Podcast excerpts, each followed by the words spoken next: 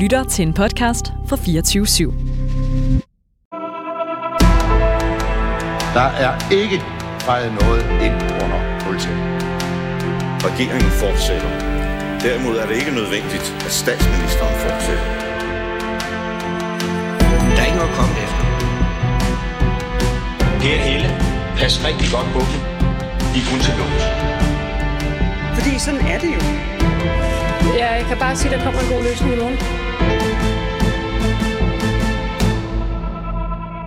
Velkommen til Ministertid Live med en kort forsinkelse. Programmet, hvor vi diskuterer aktuel politik med forhenværende ministre. I dag skal vi både se på det store og det små. Vi skal diskutere NATO, EU, Borup Skole, organdonation samt SVM-regeringens angreb på Liberal Alliance. Til at gøre os klogere har vi to gange Rasmus, forhenværende udviklings- og fødevareminister Rasmus Prehn, Socialdemokratiet. Velkommen til dig. Tak skal du have. Og forhenværende udviklings- og klimaminister Rasmus Helve Petersen fra Radikal Venstre. Velkommen til dig. Tak skal du have. Du lytter til Ministertid Live. Mit navn er Simon Emil Amitsbøl Bille. Men vi begynder i det store, hvis man kan sige på den måde. Vi begynder nemlig med NATO. Der er forsvarsministermøde i Bruxelles i den her uge, og der diskuteres 2% målsætning og Sveriges kommende medlemskab af alliancen. Og over det hele svæver den tidligere amerikanske præsident Trumps ånd, fordi han har jo været ude med, skal vi sige, en frisk udmelding endnu en gang øh, til et øh, vælgermøde øh, på hjemmebane, var han ude at sige, at øh, dem, der ikke betalte de 2%, de kunne ikke regne med at være en del af forsvarsparaplyen, hvis der skulle komme et angreb. Ja, han ville nærmest øh, anbefale den russiske præsident Putin at tage sig af de formastlige lande mm. og slå sig løs, tror jeg, var, var formuleringen. Øh, Rasmus Helve, øh, skal Europa til at forberede sig på et NATO øh, uden, et, uden USA? Tja, man er jo nødt til at forberede sig på, at det værste kunne ske, at man får en utilregnelig præsident, der kunne finde på at gøre skade på NATO. Så ja, det er det, der er en god grund til, at Europa skal tage et stadig større del af ansvaret for sit eget forsvar. Men har han ikke allerede gjort skade på NATO i virkeligheden, bare ved at, at sige det, han siger? Jo, det synes jeg. Det er at gøre meget stor skade. Altså, på mange måder er det jo også noget mærkeligt noget, fordi alle de frontlinjestater, der ligger over mod Rusland, bruger jo mere end 2% af deres BNP på øh, militær allerede. Så dem, som i givet fald vil være i farezonen, vil være lande som Belgien, som jo altså ikke har en grænse med Rusland. Så på den måde er det jo også lidt mærkelige tomme tønder. Men det her, det skal bruges til, mener jeg er positivt, at lave den her øh, fælles europæiske orientering omkring forsvarspolitikken.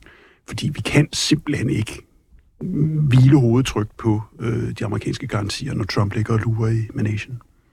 Rasmus Preben, hvorfor tror du, han siger sådan egentlig? Jamen, jeg tror desværre, han øh, siger det, fordi han mener det. Mm. Og øh, jeg var jo afsted her for nogle uger siden med Folketingets udenrigspolitiske nævn, hvor vi havde lejlighed til at mødes med øh, forskellige øh, tænketanke, øh, sikkerhedsrådgivere, politikere, senatorer osv. Og øh, mødes man øh, for eksempel med den her Heritage Foundation, som er sådan en klassisk konservativ tænketank, som har billeder af Margaret Thatcher og Ronald Reagan all over the place, så ligger de jo ikke skjult på, at øh, deres holdning er, at Europa må steppe op. Øh, og de siger, at det kan godt være, I øh, nærmere af de her 2% nu. Vi er jo så heldigvis på den gode side i Danmark nu, når vi har fået Ukraine-bidraget med. Det var heldigt, at det kunne tælles med. Og det bliver, så, det bliver der så øvrigt talt rigtig pænt om, Danmarks engagement i Ukraine. Okay. Men, men det, vi kommer til at forvente fremadrettet, siger de, jamen det er jo 3 eller 4 procent, måske mere. Øh, og derfor så tror jeg også, man måske skal se Trumps øh, retorik her, også som hans, altså, han er en, en tuskhandler. Han, han er sådan en, en, en, altså, en, en, en handelsmand, der prøver at presse, og ved at tro ved at trække sig ud, så vil han prøve at få os til at betale noget mere. Uh-huh. Øh, det lykkedes ham jo i forhold til de 2 procent, altså havde vi rejst 5 år tilbage, 10 år tilbage, men så havde vi jo øh, kvidet os noget ved at skulle op på 2 procent, øh, og der er det jo lykkedes ham. Øh, men der er også det element, som, øh, som Rasmus Helve er inde på. Han, han repræsenterer jo også noget uligevægtigt og der, noget utrygt. Nu har han ikke vundet endnu. Mm. Jeg ved, der er målinger, der tyder på, at han kan vinde, og derfor skal vi tage det meget alvorligt. Og jeg tror altså, uanset hvad, så skal vi, som også Rasmus er inde på, øh, tænke på, hvordan vi som Europa kan tage et større ansvar. Men selvfølgelig allerhelst og forhåbentlig i et stærkt samarbejde med USA. Mm-hmm. Nu er det jo ikke kun uh, Trump, der laver ballade i forhold til, uh, til NATO-topmødet. Mm. Altså, uh, mm. vores, uh, vores gode bekendte uh, uh, Orbán fra, fra Ungarn, han er jo også ude og, øh, og nøle med godkendelsen af det svenske øh, NATO-medlemskab. Og han havde jo ellers lovet, at øh, Ungarn ikke ville blive øh, det sidste land, eller dem, der skulle forhindre det osv. Så, så man havde jo regnet med, når, når præsident Erdogan fra, fra Tyrkiet endelig sagde ja, så ville Ungarn være en formsag. Øh, altså, troværdigheden i den her alliance. Vi har en amerikansk præsident, som øh, er ude og stille spørgsmålstegn ved, om man vil forsvare landene. Vi har en øh, ungarsk præsident, som øh, undskyld, øh, statsminister, som ikke rigtig vil øh, tage imod det næste NATO-land, som jo åbenlyst hører til i alliancen, og som vil styrke både, øh, både alliancen og, og, og de enkelte lande. Altså, NATO's troværdighed, hvor ligger den sådan på en historisk skala? Og jeg, vi skal holde fast i, at, at NATO er en, en stærk alliance, og der er nogle bump på vejen, og dem er der nu. Det har vi jo sandt for dyden også haft øh, i 80'erne, hvor der var visse lande, der havde øh, visse forbehold og andet. Så det er jo en kendt sag, at... På, I år, så... i år morgen kommer der en særudsendelse om Poul Slytters tid i ministertid, hvor man kan høre om et af de lande, vil jeg sige.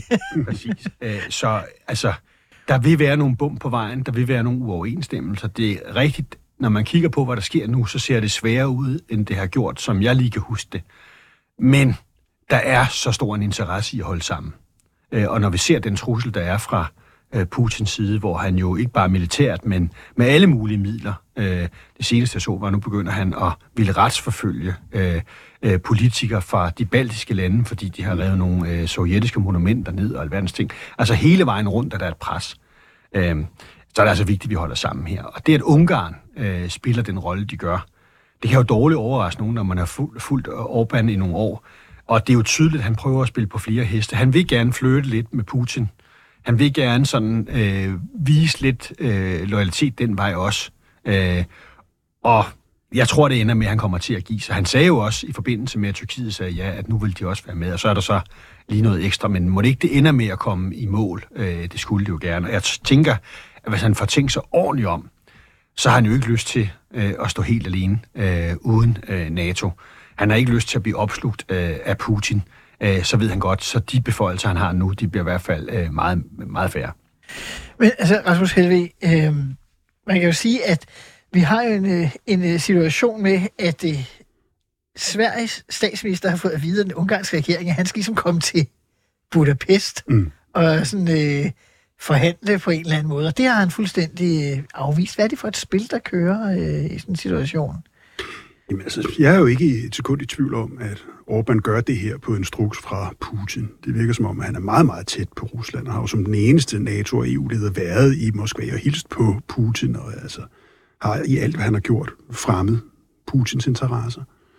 Så må ikke det her øh, er lidt ligesom det, der sker på slagmarken nu, hvor Putin prøver at få en symbolsk sejr umiddelbart før det russiske præsidentvalg. Han prøver også at udskyde optagelsen af øh, Sverige i NATO til efter det russiske præsidentvalg, som ligger i april. Jeg tror simpelthen, det er så kortsigtet og så dumt som det. Ja, for det virker jo utrolig kortsigtet, som du siger, altså fordi, hvis vi nu siger det som det er, Sverige kommer jo ind i NATO det kommer de på et eller andet tidspunkt. Ja. Og hvor stiller det så i virkeligheden Ungarn, når først vi er øh, kommet over, at Sverige er kommet ind. Jeg tænker, at Sverige er næppe en særlig god allieret for Ungarn, hverken i NATO eller i EU. Altså, jeg tror heldigvis, det er et udtryk for, at Putin er begyndt at tænke meget kortsigtet, fordi han er så presset. Det er sådan en optimistisk analyse. Det er en optimistisk analyse, ja. Men at vi bliver nødt til at banke Ungarn på plads, både i den aktuelle sag og mere strukturelt, det er jeg ikke i tvivl om. Og jeg synes, det er godt, at EU-landene har taget handsken virkelig op og sat ham, altså, kniven for struben fordi det er helt nødvendigt, at vi ikke har et ikke-demokratisk land, der ligger og blokerer for vores oplagte interesser. Aha. Præn. Ja, altså, og desværre er det jo ikke engang kun et kortsigtet ønske fra Putins side. Altså, han har nok et permanent ønske om at øh, have så få øh, NATO-allierede som, mm. som muligt, og han har jo været godt og grundigt træt af, at øh, Finland og, og, og Sverige øh, bliver optaget nu. Øhm, altså, han vil jo gerne have, at, at NATO holdes så meget på afstand som overhovedet muligt, og det har han simpelthen en strukturel interesse i, fordi han jo stadigvæk ser Rusland som det gamle Sovjet-imperium, og det vil han gerne holde fast i, og derfor vil han gøre alt, hvad han overhovedet kan. Og derfor så er det jo tydeligt, at han sådan øh, allierer, laver altså geopolitisk øh, interaktion alle mulige steder for at stikke, stikke, stikke en kæppe i hjulet, ikke bare på NATO, men på hele den vestlige verden, for han vil gerne være den her store internationale magtudøver. Ja, så har han interesse i, at der er en masse ballade, der kan distrahere verden fra det, der foregår i Ukraine. Mm. Også det. Og dermed kan man også se, at han jo øh, går tæt sammen med iranerne, og dermed jo altså også har en eller anden lodderdel i Houthi-angrebene nede i det Røde Hav, og man kan se, at han har haft Hamas-lederne på besøg, og dermed har lod og del i det rædselsfulde blodbad, der sker lige nu i Mellemøsten. Aha, aha. Så jeg tror virkelig ikke, at man skal undervurdere, hvor stor en kilde til uro Putin er. Og dermed er det også, jeg siger, at jeg tror også, at han står bag Orbán. Rasmus Prehn, du sagde før, at øh, 2 procent, det var det, du havde hørt, eller den fornemmelse, du også fik, når du øh, kom fra USA, det øh, er et bundniveau i fremtiden måske. Det er 3-4 procent, man kommer til at diskutere øh, lige om lidt. Øh, hvor meget kommer det til at presse øh, vores egen økonomi egentlig? Altså som Socialdemokrater har I jo ikke øh, sådan umiddelbart tidligere tænkt, at nej, vi kan bare finde et procentpoint eller to øh, og bruge på andre ting. Nej, det kan man jo lykkes med regeringen Mette Frederiksen at, at komme op på på ikke bare øh, 2 procent, men jeg forstår øh, 2,02 øh, procent. øh, så, så man det, er som at, det er som at regne ulighedsting øh, med Dansk Folkeparti i, i min tid, Ej, jeg sige. men, men det har jo ikke været nemt at, at komme det det forstår op, jeg også godt. Og det har jo givet øh, os øh, nogle bum på vejen, og der har jo helt klart været både politikere, men nok så meget øh, stemning i befolkningen af, at er det nu ikke overkill? Skal vi virkelig bruge så mange penge på det? Aha. Øh, og hvis vi skal yderligere op, så vil der komme virkelig øh, noget modvind på, på det her. Og det man også skal tænke over, og det synes jeg også NATO skal tænke over, det er, hvis vi har brug for en folkelig opbakning til vores forsvarsalliance, skal vi så øh, spænde buen så hårdt, så at øh, de her økonomiske prioriteringer bliver så svære, så befolkningerne vender sig imod øh, vores initiativer. Det er jo heller ikke særlig klogt. Øh, så jeg synes, det bliver så spændende at følge det her amerikanske øh, valg. Og jeg synes måske, det bliver et af de allermest vigtige valg, vi har haft øh, i den tid, øh, jeg har levet. For der er så meget på spil. For det er jo ikke kun det sikkerhedspolitiske øh, og vores alliance med USA, øh, men det er jo også hele retssystemet i USA. Det er grundlæggende demokratiske principper. Der er så meget, der er på spil. Øh, noget af det, de fortalte i Heritage Foundation, er jo, at hvor man normalt plejer at skifte måske 4.000 medarbejdere ud efter et præsidentskifte, der går de efter nu at skifte i hvert fald 40.000 øh, medarbejdere ud. Og de vil simpelthen ind, for man overhovedet kan få en stilling øh, i den amerikanske administration, så skal man sindelags kontrolleres. Der skal øh, researches på en Facebook, øh, og hvis man har ment noget som helst ufordelagtigt over for Trump, så skal man bare øh, vises ud øh, af administrationskontorerne. Og der man ansætter altså kun folk, der er 120 procent lojale. Så når vi for eksempel sad på den danske ambassade og hørte fra ambassadøren, åh, men det kan godt være, at Trump vinder, men husk nu på, der er jo fornuftige kræfter i administrationen, og der er også fornuftige republikanske senatorer, der gerne vil, og Så, videre. så han bliver holdt i skak, og de værste tisler bliver luet ud og sådan noget. Det er jeg bare ikke så sikker på. Altså, jeg tror, han kommer til at køre 120 km i timen lige igennem øh, alle de her barriere. Er der nogen som helst, der sætter sig på tværs, så bliver de bare øh, udraderet.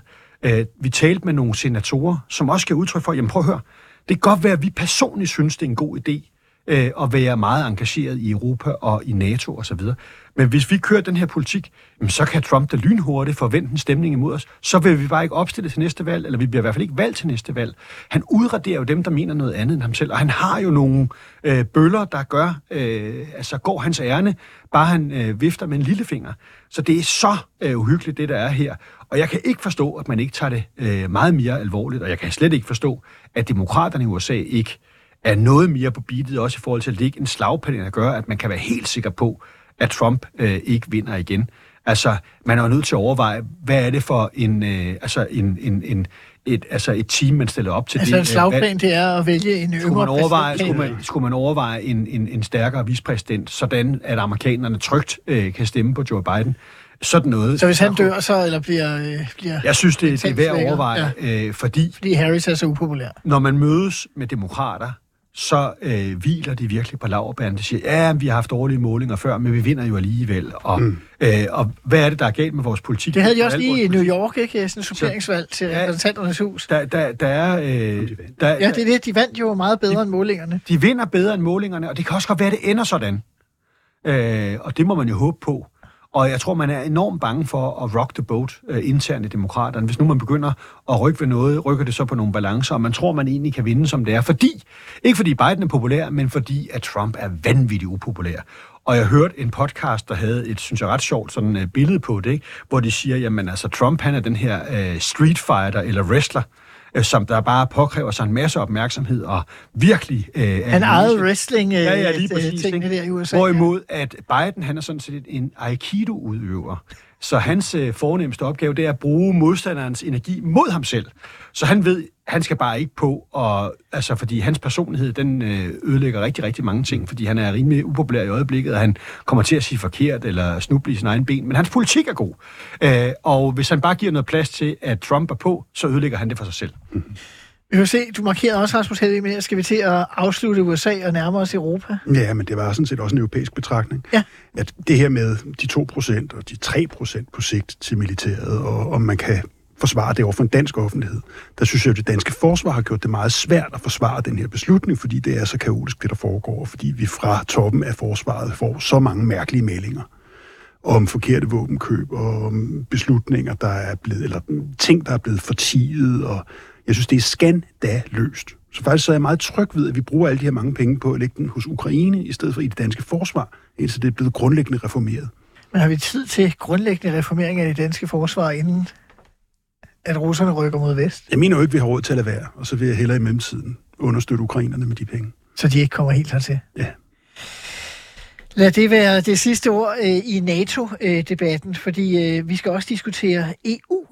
I dag øh, er der en, øh, jeg ved ikke om det er kronik eller det hedder debatindlæg, øh, efterhånden er alt jo øh, nærmest det samme i aviserne, øh, men er Morten Lykkegaard, øh, spidskandidaten for Venstre til Europaparlamentsvalget, og Anders Fogh Rasmussen, tidligere statsminister og tidligere NATO-generalsekretær, så det smager stadig lidt af, af NATO, hvor de er ude at sige, at øh, alle øh, de ni lande, øh, der står øh, på optagelsesforhandlingslisten i EU, de skal optages, øh, altså kandidatlandene, de skal optages inden for de næste 8-10 år. Mm.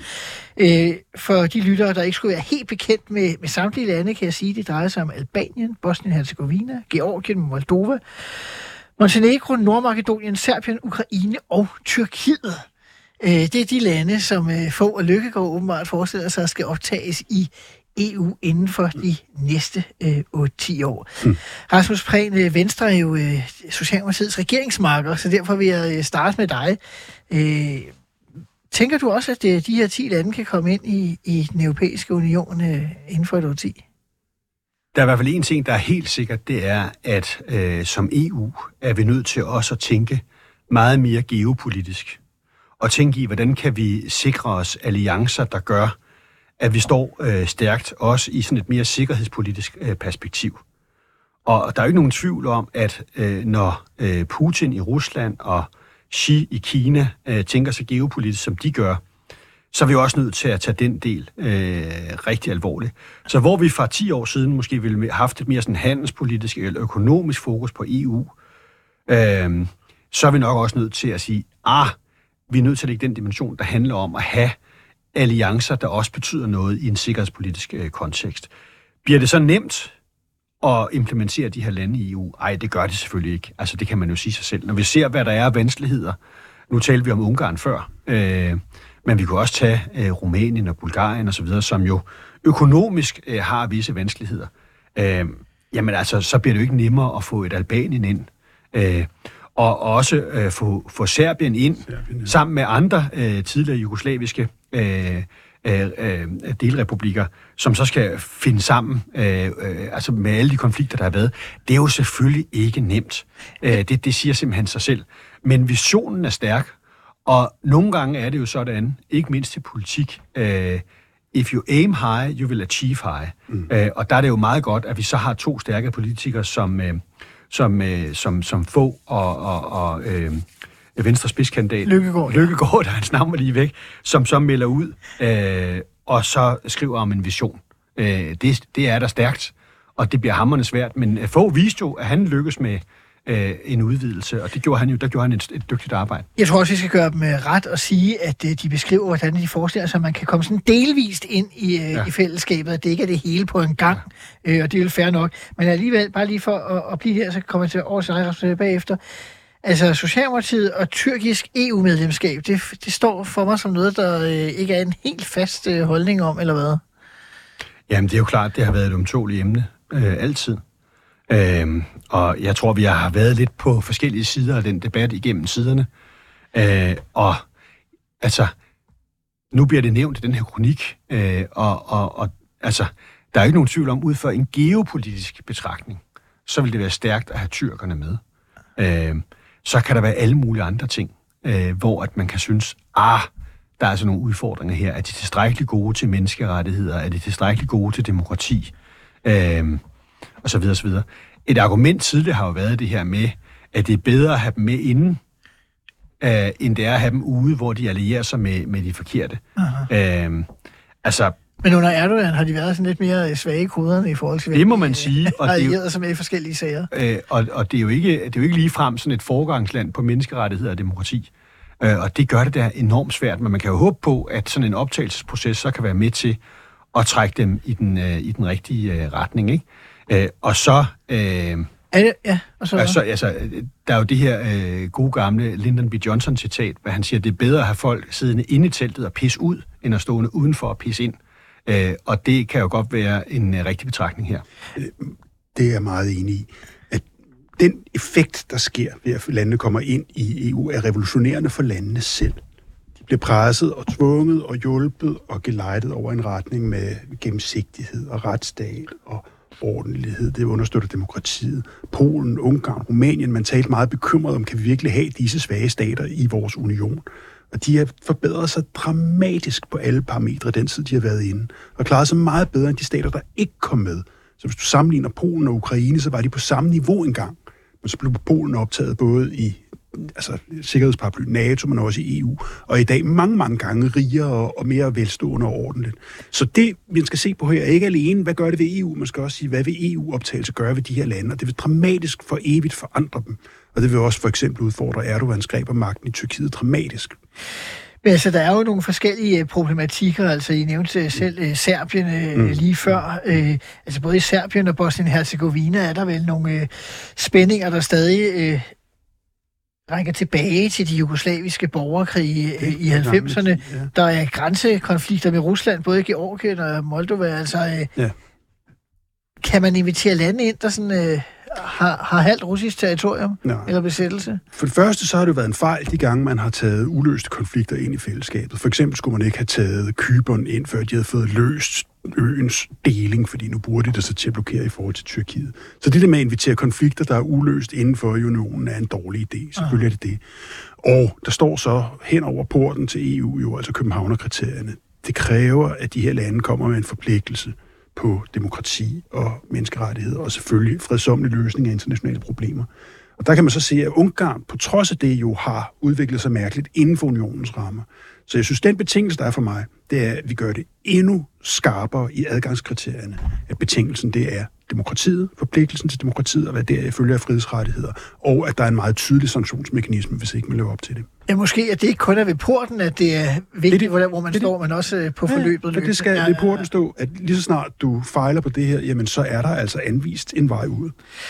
Men to af landene, Ukraine og Tyrkiet, har jo en størrelse, altså også befolkningsmæssigt, som er enorm. Øh, Tyrkiet jo øh, vel vil blive det største land vel, øh, i, i EU.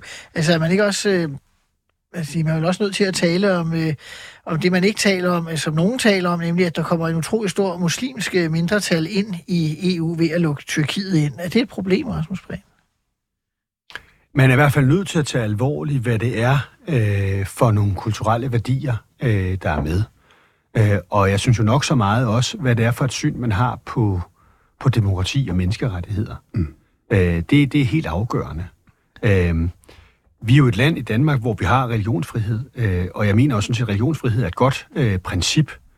Men når det er, at man oplever, og det ser man jo nogle steder, at religion får forrang for menneskerettigheder, forrang for demokrati, så bliver det jo et problem. Øh, Og så må man jo tage afstand øh, for det. Det at have en religion øh, bør jo ikke i udgangspunktet være noget problem, men når det skygger for noget andet, og når det får første prioritet over for alt muligt andet, som er helt grundlæggende, så dur det selvfølgelig ikke. Øh, andre ting i forhold til, til de her landestørrelser, det er der også, altså når vi kigger på, på dansk landbrug for eksempel, så er det da noget af en kamel at skulle sluge, hvis øh, Ukraine øh, kommer med ind, som jo er øh, verdens største hvedeproducent for eksempel. Uh-huh. Altså et gigantisk landbrugsland. Øh, at det bare lige at, at håndtere. Altså, der er meget arbejde, der skal gøres, før at man øh, lukker så store øh, lande ind. Men der er nogle geopolitiske øh, fordele ved det, og jeg tror, det er det lys, at Lykkegaard og få øh, nævner, at det er visionen for de næste 10 år. Godt. Lad os gå fra det store, det internationale og ned til dansk indrigspolitik og de sager, der har præget ugen, der er gået.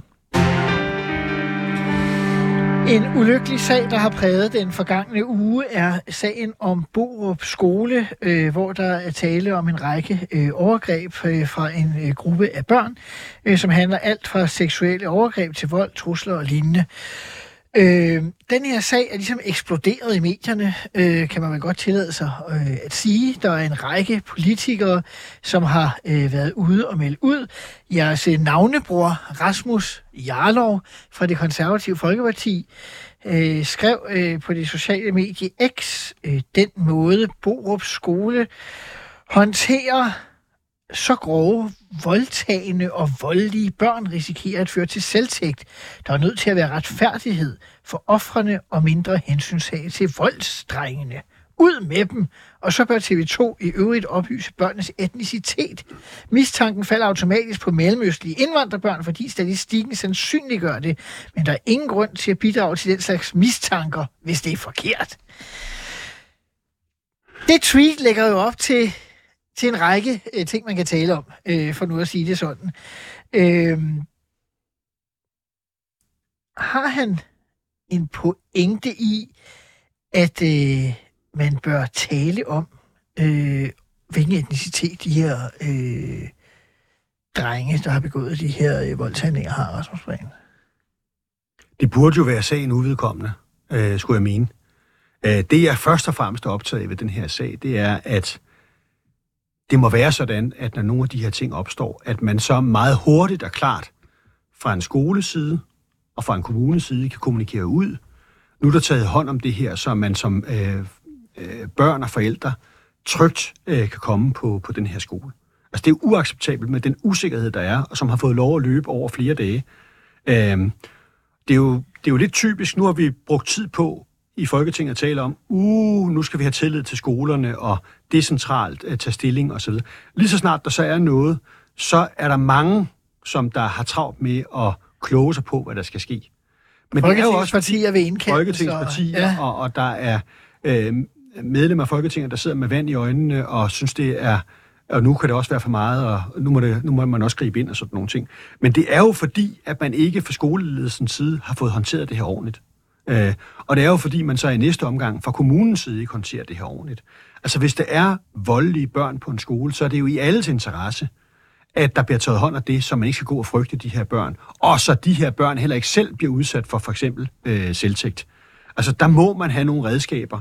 Hvis man mangler redskaber, så må man jo råbe op og sige, altså den nuværende folkeskolelov, den rummer ikke plads til, at vi kan gøre sådan og sådan og sådan. Så må vi håndtere det. Men jeg synes, der er noget på Borup skole, og ikke mindst noget i forvaltningen i Køge Kommune, der gør, at man tænker, hvorfor var det lov at ulme så længe? Hvorfor bliver det ikke løst noget hurtigere? For ellers så ender det med at blive en landspolitisk sag, hvor der så sidder en hel masse kloge hoveder, og i virkeligheden taler som de blinde om farverne, fordi vi kender ikke til, hvad det er. Øh, og vi skal sådan set heller ikke have oplyst de her enkeltsager og sådan nogle ting. Det er der en forvaltning til.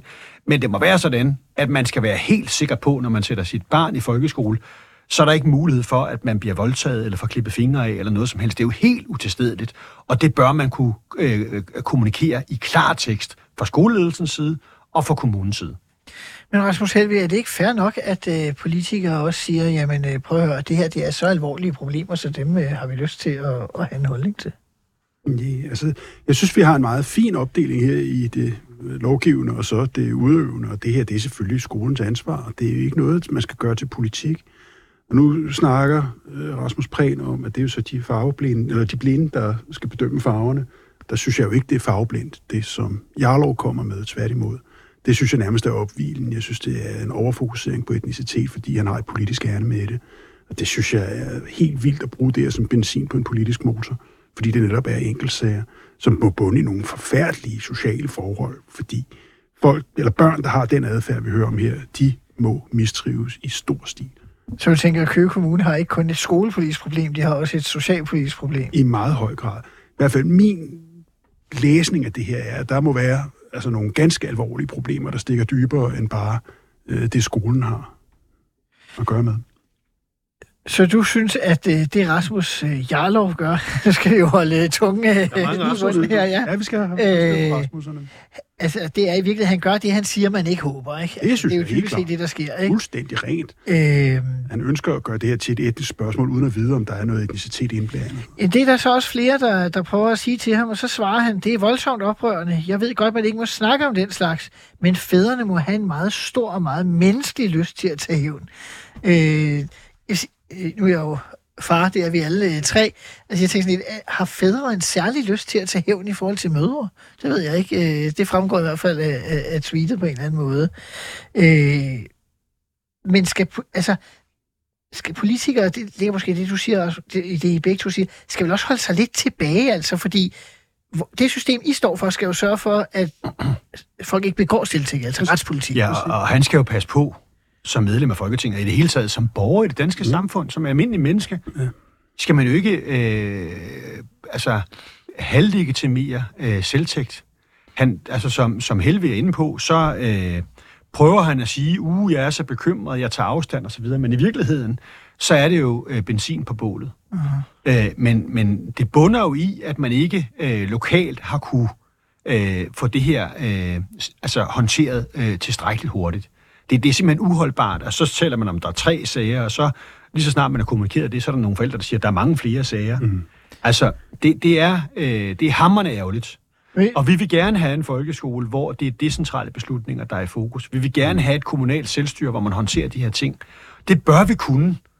Øh, og så kan der være nogle komplekse sager, øh, hvor man som kommune af alle mulige øh, hensyn ikke kan kommunikere omkring det. Mm. Men så må man finde en løsning, der gør, at man lokalt bliver tryg. Hørt. Øh, det må simpelthen kunne lade sig gøre, og det må være vores klare forventning. Og jeg tror ikke, at beslutningerne bliver bedre af, at vi sidder på kilometers afstand og gør os kloge på, hvordan det skal være. Men øh, vi vil have trygge forældre, vi vil have trygge børn, det kan ikke passe andet. Men alligevel, når man så sidder på kilometers afstand, og endda på en skærms afstand, øh, og følger med på de sociale medier, så synes jeg alligevel, det er tankevækkende, hvor mange skolelærere, der kommenterer og siger, der er selvfølgelig også nogen, der siger, det kan jeg overhovedet forstå sker, fordi det har de da aldrig oplevet noget lignende, og det er jo meget betryggende, at de skriver det.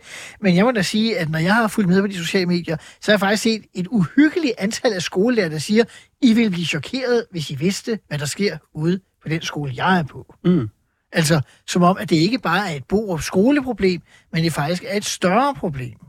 Øh, og du lagde ud, Rasmus øh, Prehn, med at sige, at måske skulle man også, øh, man må sige, hvis der er nogle ting i folkeskoleloven, der giver de rigtige redskaber. Mm. Altså, når jeg har fulgt med i debatten, så tænker man da sådan, måske er der faktisk nogle redskaber, der mangler øh, derude, hvis det ikke bare er på Borup skole, men altså, når Og jeg... der har jeg da også en forventning om, at er man lærer på en skole, hvor sådan noget her finder sted, øh, at man så også øh, øh, råber op, mm. øh, adresserer problemet, mm. og øh, efterspørger de løsninger, der skal til. Man har faktisk pligt til at gøre det, hvis man er lærer. Det har man, øh, og jeg tror også, mange gør det, og formentlig føler en eller anden form for afmagt, fordi de bliver ved med at rende øh, myndighederne på dørene, og der sker ingenting, og altså, der er sikkert alle mulige forklaringer.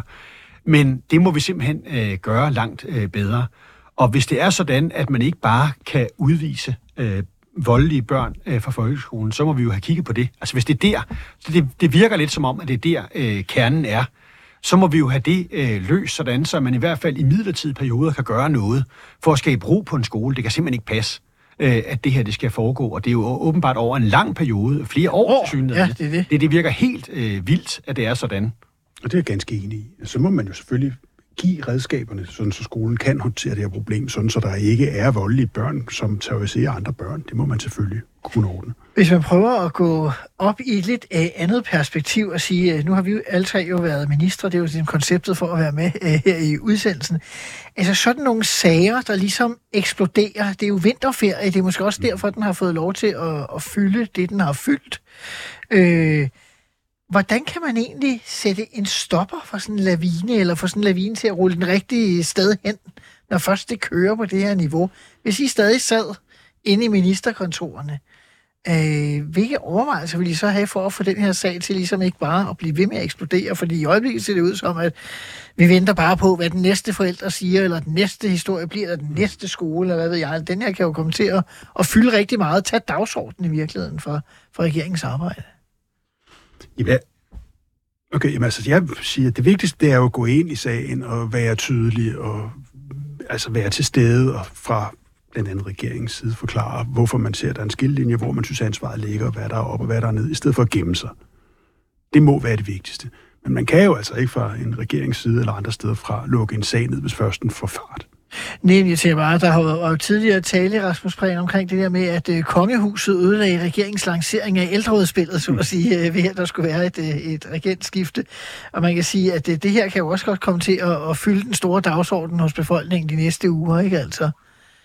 Jo, og som vi var inde på før, altså hvis det er sådan, at det er vores politik, at vi faktisk gerne vil gøre noget mere ud af decentralisering, gøre noget mere ud af, at man kan bestemme noget mere lokalt, så bliver det da besværligt gjort, når der så er, at man har så uhyggelig en sag, der får lov at fylde så lang tid, og hvor det virker som om, at man ikke kan håndtere det lokalt, og alle mulige begynder at blande sig på det nationale plan.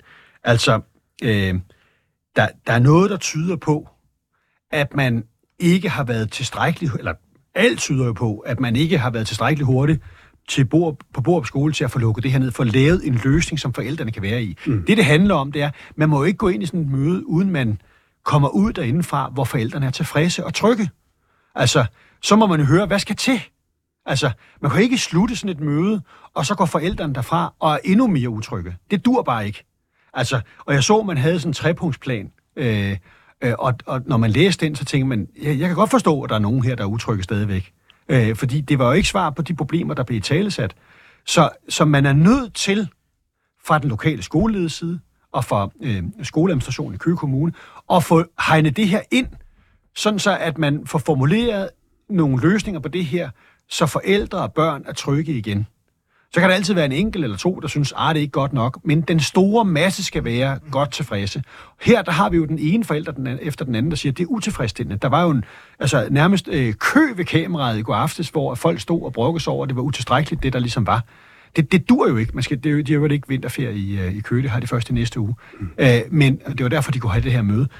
Men det, det, jo, det må være forudsætningen. Og så skal vi være bedre til landspolitisk at lytte til, er der nogle redskaber, man mangler, så må vi skynde os at give dem, så de kan løse de her ting, i stedet for at de står i afmagt.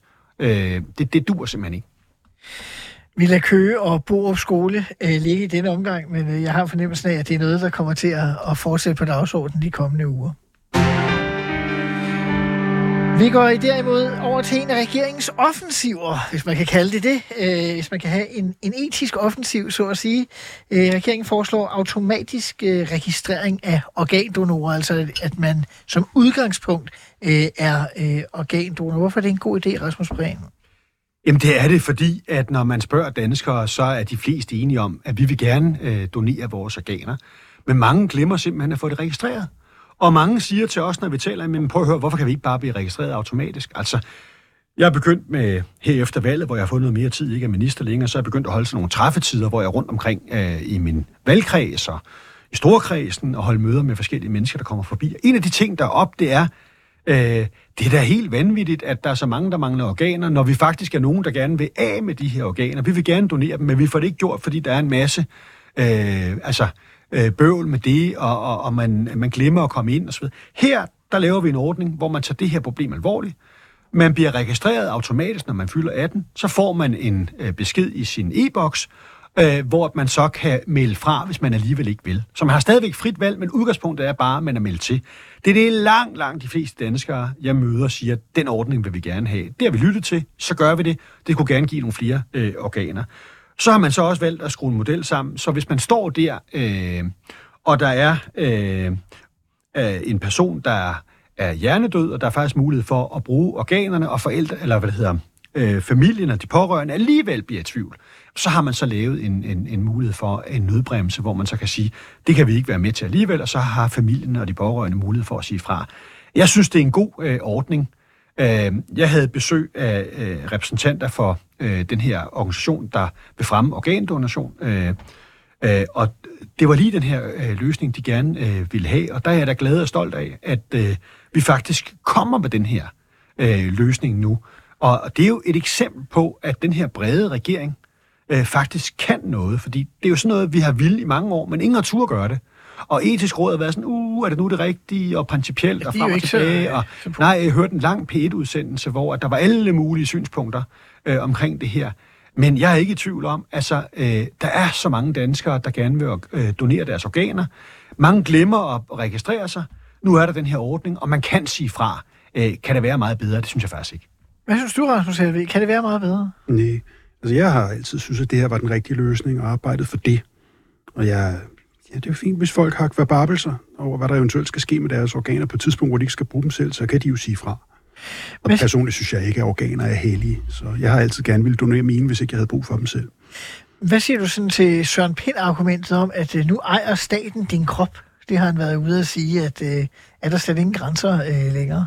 Øh, jeg synes jo, der, der er ingen grænser for sludret i det her tilfælde.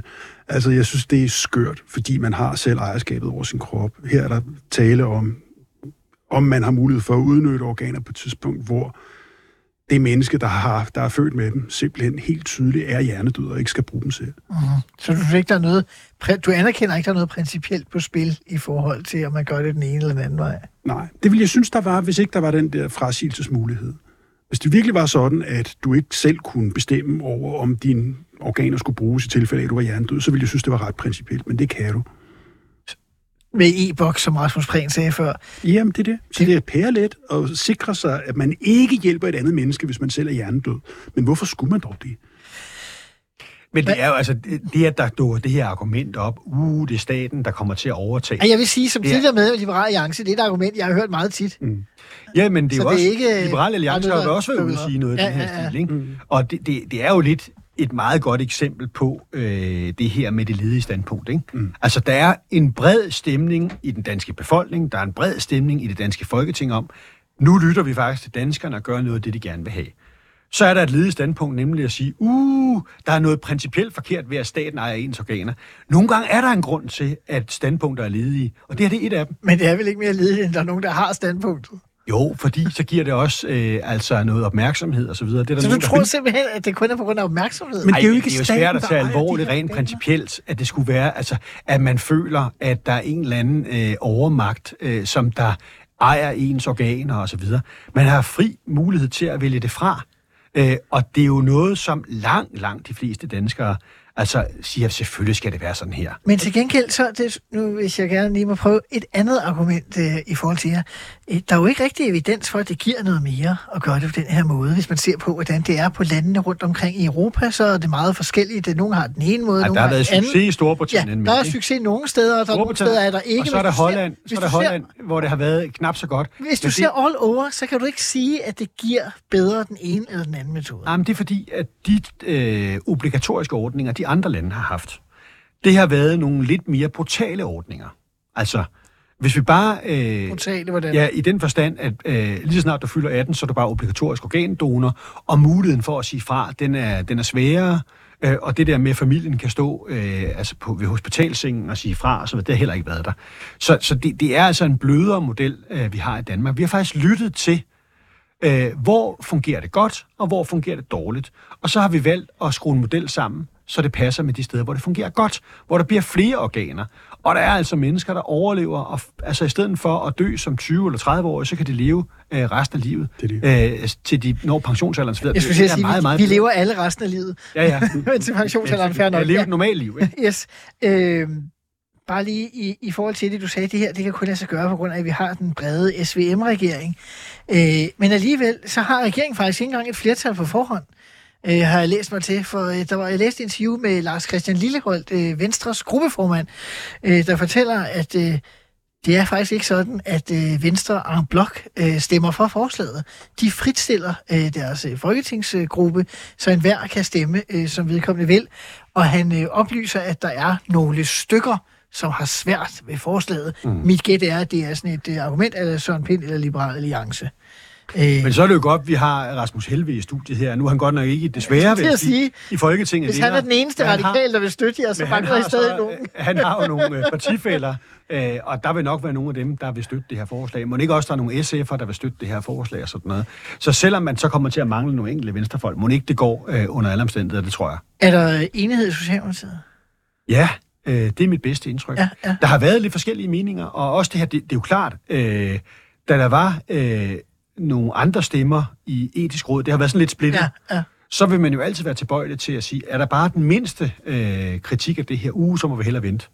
Øh, men nu har man altså ligesom valgt at sige, det her, det kan vi godt, fordi vi har faktisk prøvet at skrue det sammen, hvor vi har taget højde for de forskellige ulemper, der har været nogle steder, og så laver vi en god model. Personligt ville jeg jo gerne have siddet, om ikke andet, så i hjørnet af lokalet, da Mette Frederiksen og Lars Lykke og Troels Lund Poulsen har diskuteret det, mm. og Troels Lund har skulle fortælle, at øh, Venstre ikke stemmer en blok.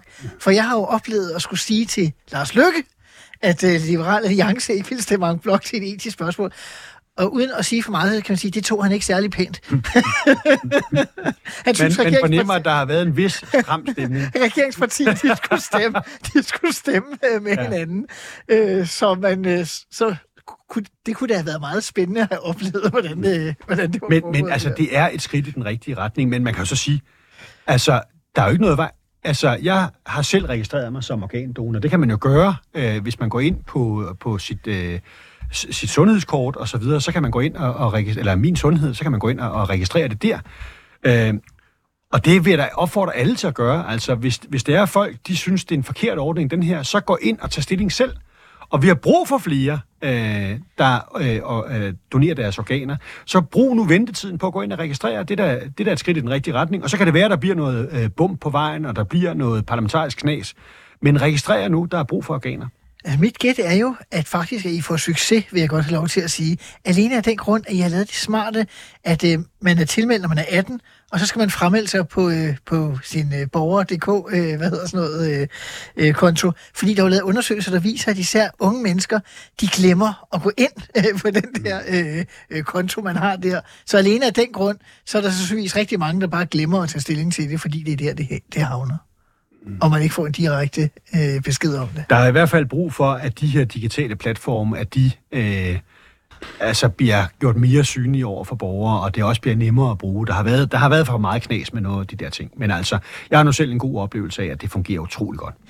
Fair nok. Vi skal til det sidste, vi skal tale om. Og jeg tror, jeg starter et lidt andet sted. Øh, der har været en Gallup-måling i går. Hvis man ser den gallermåling, så ser det ikke ud som, at SVM-regeringen har flertal efter næste valg. Og, og det er måske ikke så, øh, så overraskende, fordi det er der heller ikke rigtig nogen andre målinger, der siger. Og jeg skal være den sidste til at komme rende. Jeg har været medlem af en regering, som der ikke var en eneste måling, der sagde, at at den ville fortsætte. Så, øh, så, så det sker.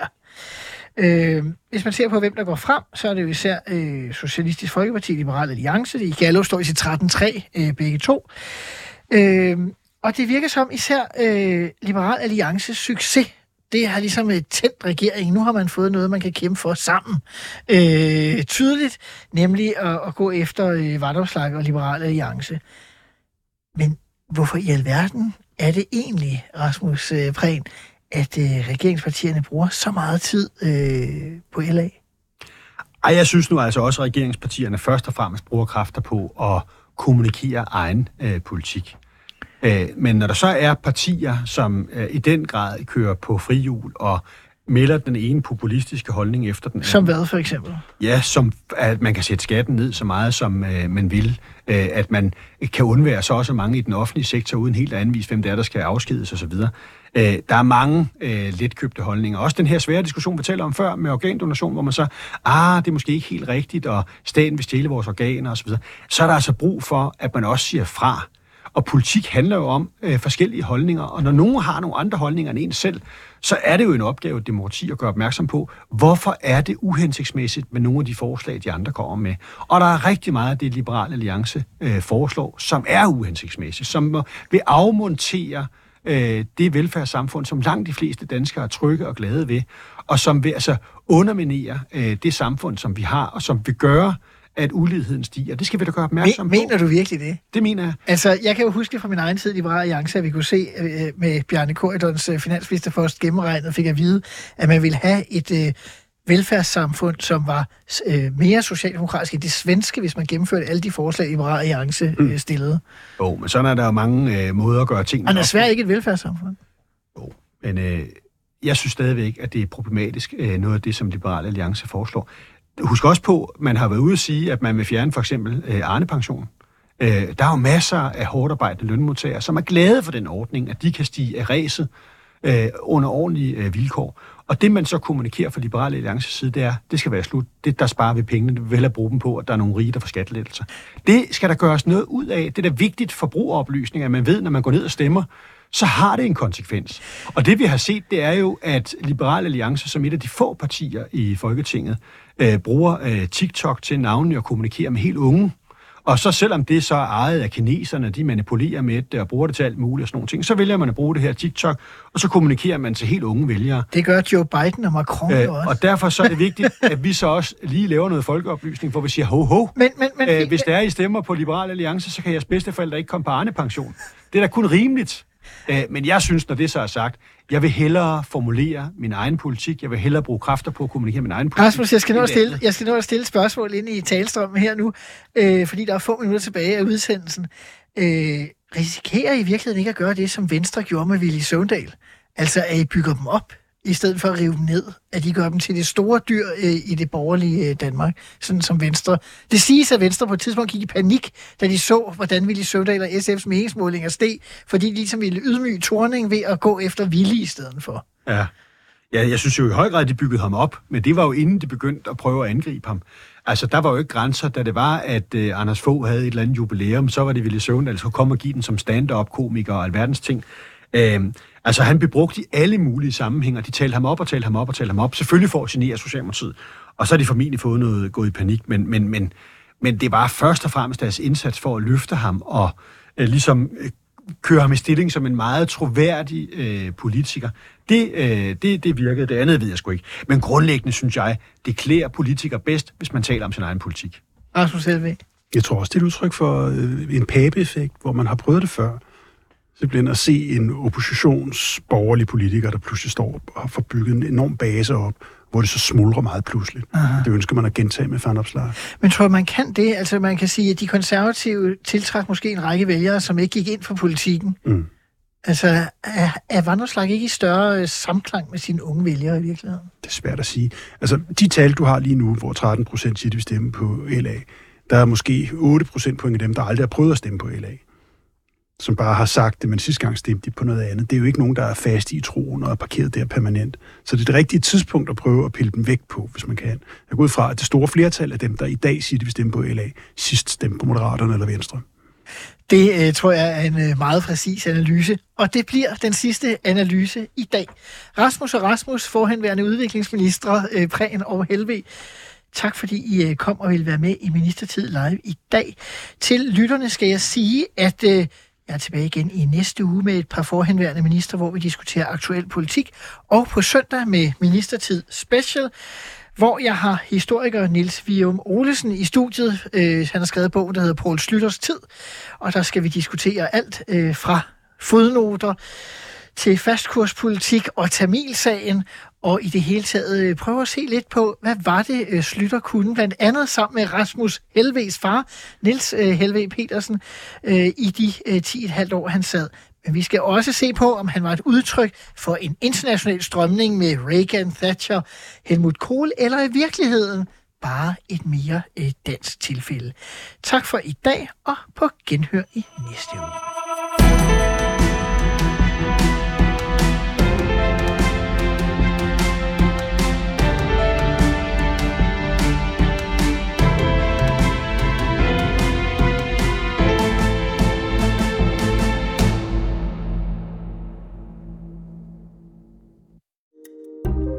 Kære lytter, du har lyttet til et program fra 24 /7. Du kan finde meget mere modig, nysgerrig og magtkritisk taleradio på 24 7 appen Hent den i App Store og Google Play.